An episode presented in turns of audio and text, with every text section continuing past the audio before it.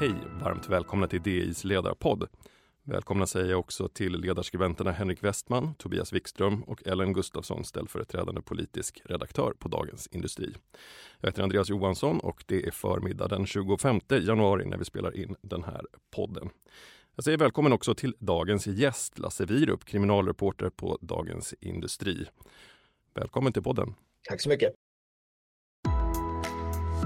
Den organiserade brottsligheten misstänks ha tagit sig in på bankernas utlåningsavdelningar. En kvinnlig bankanställd i SEB ska ha fått pengar och en bostadsrätt från en kriminell gruppering i Södertälje. Lasse, vad är det som har hänt här egentligen? Eh, det var så att man inledde en stor insats mot personer i utkanten av det man kallar Södertäljenätverket. personer som drev företag och till synes etablerade verksamheter inom fastigheter, hotell och annat.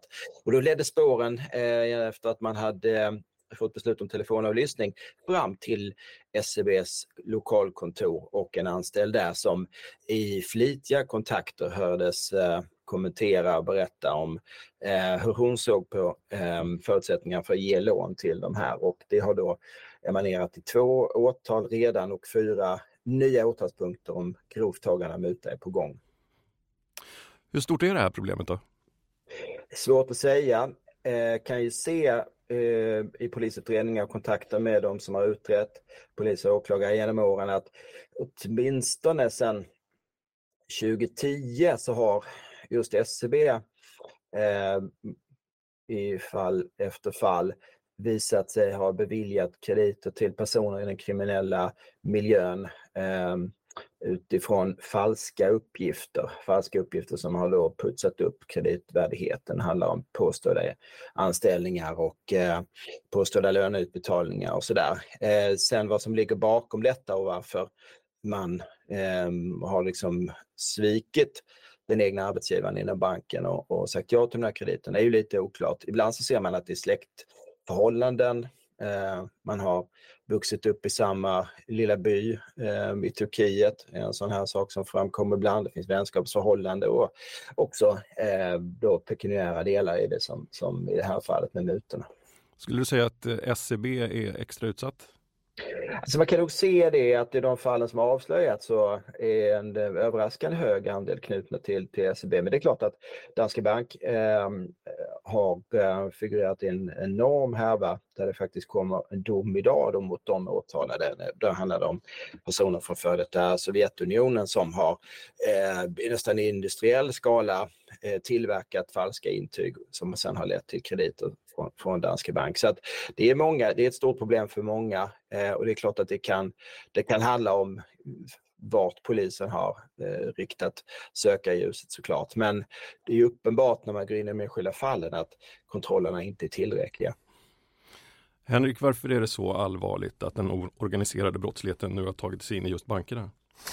Eh, ja, det är ju, ska man säga först att det är ju jätteviktig granskning som Lasse gör och att det här faktiskt uppmärksammas. Det är ju på många sätt den mest skrämmande och farliga, for, farligaste formen av eh, infiltration. Eh, banker är ju unika får man säga. Det är de som så att säga håller igång ekonomin. Eh, de har en unik roll som förmedlare av kapital från människor som behöver placera kapitalet till människor som behöver låna. Att det då finns individer i banker som har lojaliteter med kriminella nätverk, det är ju oerhört förtroendeskadligt. Så att, eh, vi har ju sett den här typen av infiltration i myndigheter, domstolar, eh, i kriminalvården eh, och eh, vi har också hört om det i flera olika företag och nu finns det då också i bankerna. Och det här är ju något som man verkligen, verkligen måste ta på allvar ifrån bankernas sida, inte minst. Mm. Jag tänker att bankerna blir ju här en väldigt viktig del då av den kriminella infrastrukturen. Gäng bryr sig om pengar och här har vi banker som beviljar lån i utbyte mot mutor, det är ju liksom ren korruption. Och sedan betalar kriminella räntor på lånen med svarta pengar. Eh, så det är ju en tvätt som bankerna sanktionerar. Och eh, precis som Henrik är inne på så följer ju det här ett bredare mönster där gängkriminella infiltrerar och utnyttjar viktiga samhällsfunktioner till sin egen fördel. Eh, till exempel då så var det förra året en handläggare på Attunda tingsrätt som, som dömdes för att ha läckt sekretessbelagda uppgifter till gängkriminella. Hon lät dem använda hennes tjänstedator, hon tipsade om att polisen skulle avlyssna deras telefoner. Och eh, man kallar ju det här systemhotande då, eh, för att det är så viktiga funktioner för samhället som, som gängen infiltrerar. Vi måste ju kunna lita på att rättsstaten fungerar. Vi måste också kunna lita på, på bankväsendet. Och det, som, det som är så speciellt med den här typen av brottslighet eh, inne i systemet, om det är på kommuner eller mäklarbyråer eller banker, är ju att det här är inte enskilda bedrägerier. Jag inbillar mig att det i alla tider har förekommit att banktjänstemän har kanske har förskingrat pengar för egen del, man kanske har spelskulder eller någonting i den stilen.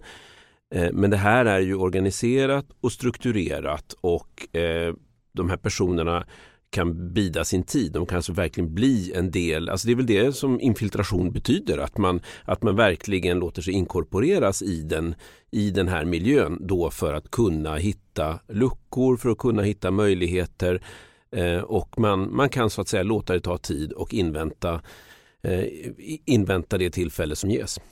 Lasse, vad säger bankerna själva om den här problematiken? Då? Inte mycket, bara i allmänna svepande ordalag att det här är en utmaning för hela samhället och att vi alla måste jobba tillsammans och så. Och det eh, har väl sina förklaringar. Det är, eh, kan vara riskabelt för bankerna att medge att man har problem eftersom Finansinspektionen förstås har i uppgift att granska hur man hanterar eh, risker när det gäller organiserad brottslighet.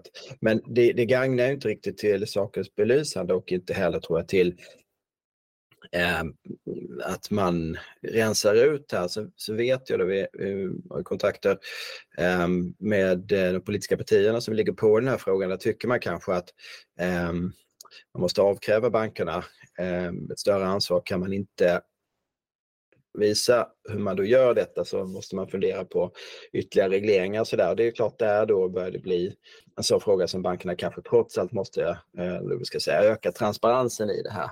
Men nej, när jag ställer frågor så får jag inte riktigt några svar. Ja, och sen tycker jag att det var intressant det som skedde här i onsdags i samband med eh, Swedbanks eh, bokslut.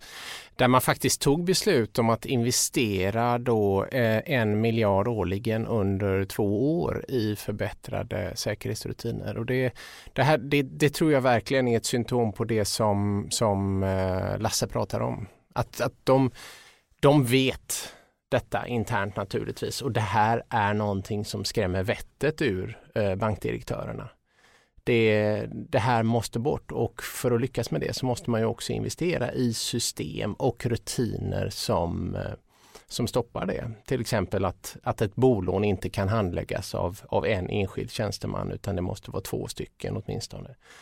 Men också man kan se framför sig hur man använder liksom AI för att fånga upp misstänkta transaktioner, hur man faktiskt kanske backar tillbaka den här hysteriska digitaliseringen som, som genomsyrar bankerna. Att saker och ting kanske måste få ta lite längre tid. Det kanske måste vara eh, åtminstone liksom två par ögon som tittar på någonting innan pengar flyttas från företag A till B. Vi ska byta ämne och säger därmed tack för din medverkan Lasse Wierup. Du ska få jaga vidare på dina, din nyhetsjakt. Tack för att du var med och gästade oss i podden. Tack. Vi är specialister på det vi gör, precis som du. Därför försäkrar vi på Swedea bara småföretag, som ditt. För oss är små företag alltid större än stora och vår företagsförsäkring anpassar sig helt efter firmans förutsättningar. Gå in på swedea.se företag och jämför själv. Expressen gör varje vecka podden Politikrummet där vi djupdyker i det senaste och viktigaste inom svensk politik. Med mig, Filippa Rogvall, som programledare tillsammans med mina vassa kollegor. Och det är ju ni som heter Thomas Nordenskjöld, Anette Holmqvist och Viktor Bartkron. Politikrummet kommer med ett nytt avsnitt varje tisdag. Vi hörs.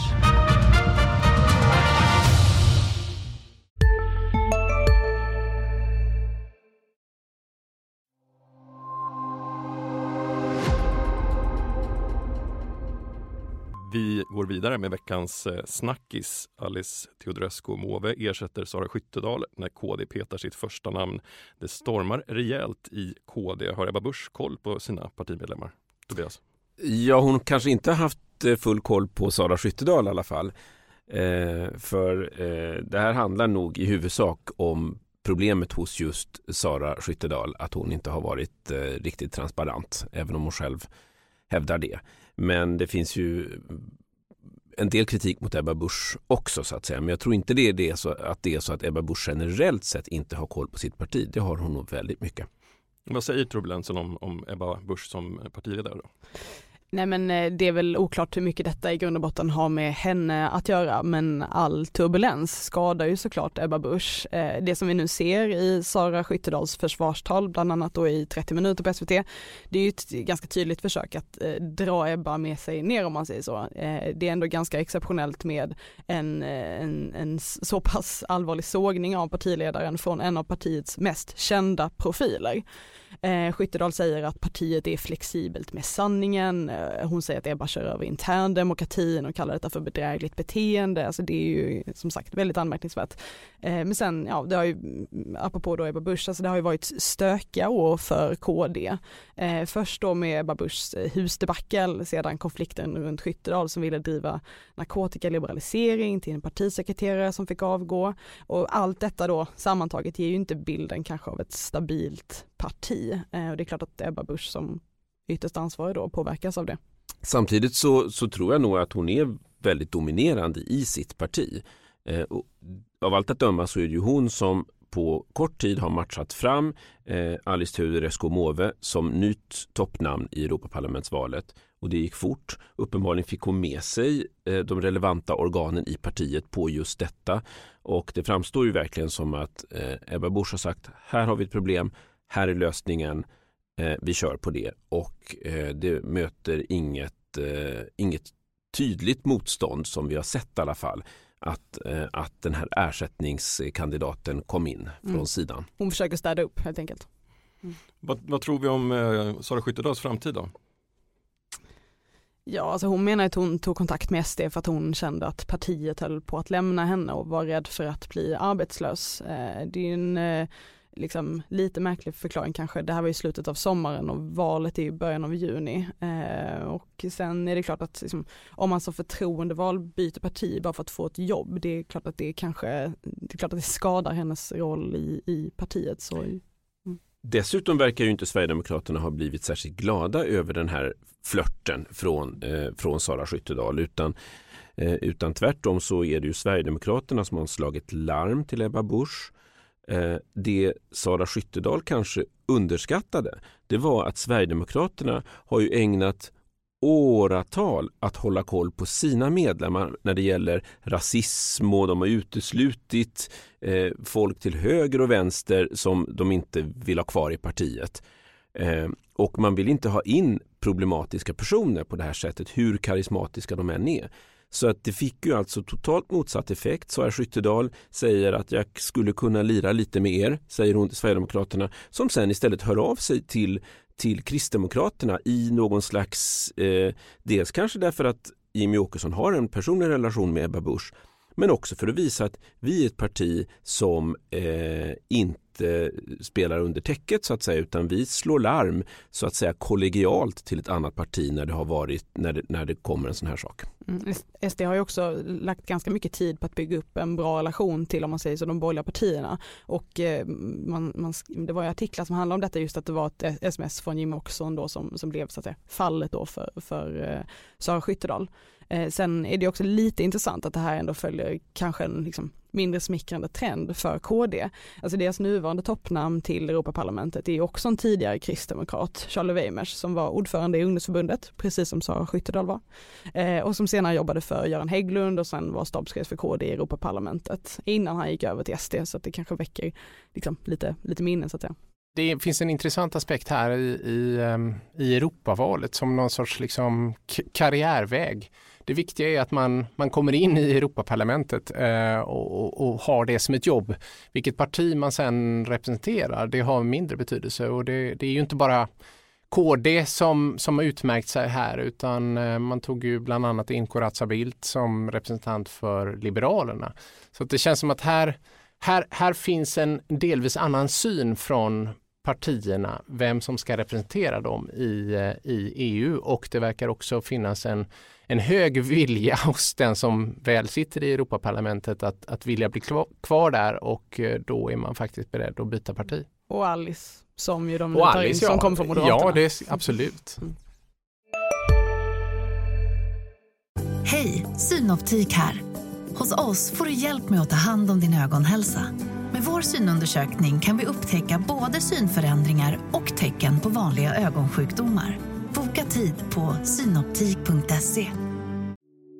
Hej, Ulf Kristersson här. På många sätt är det en mörk tid vi lever i. Men nu tar vi ett stort steg för att göra Sverige till en tryggare och säkrare plats. Sverige är nu medlem i Nato. En för alla, alla för en.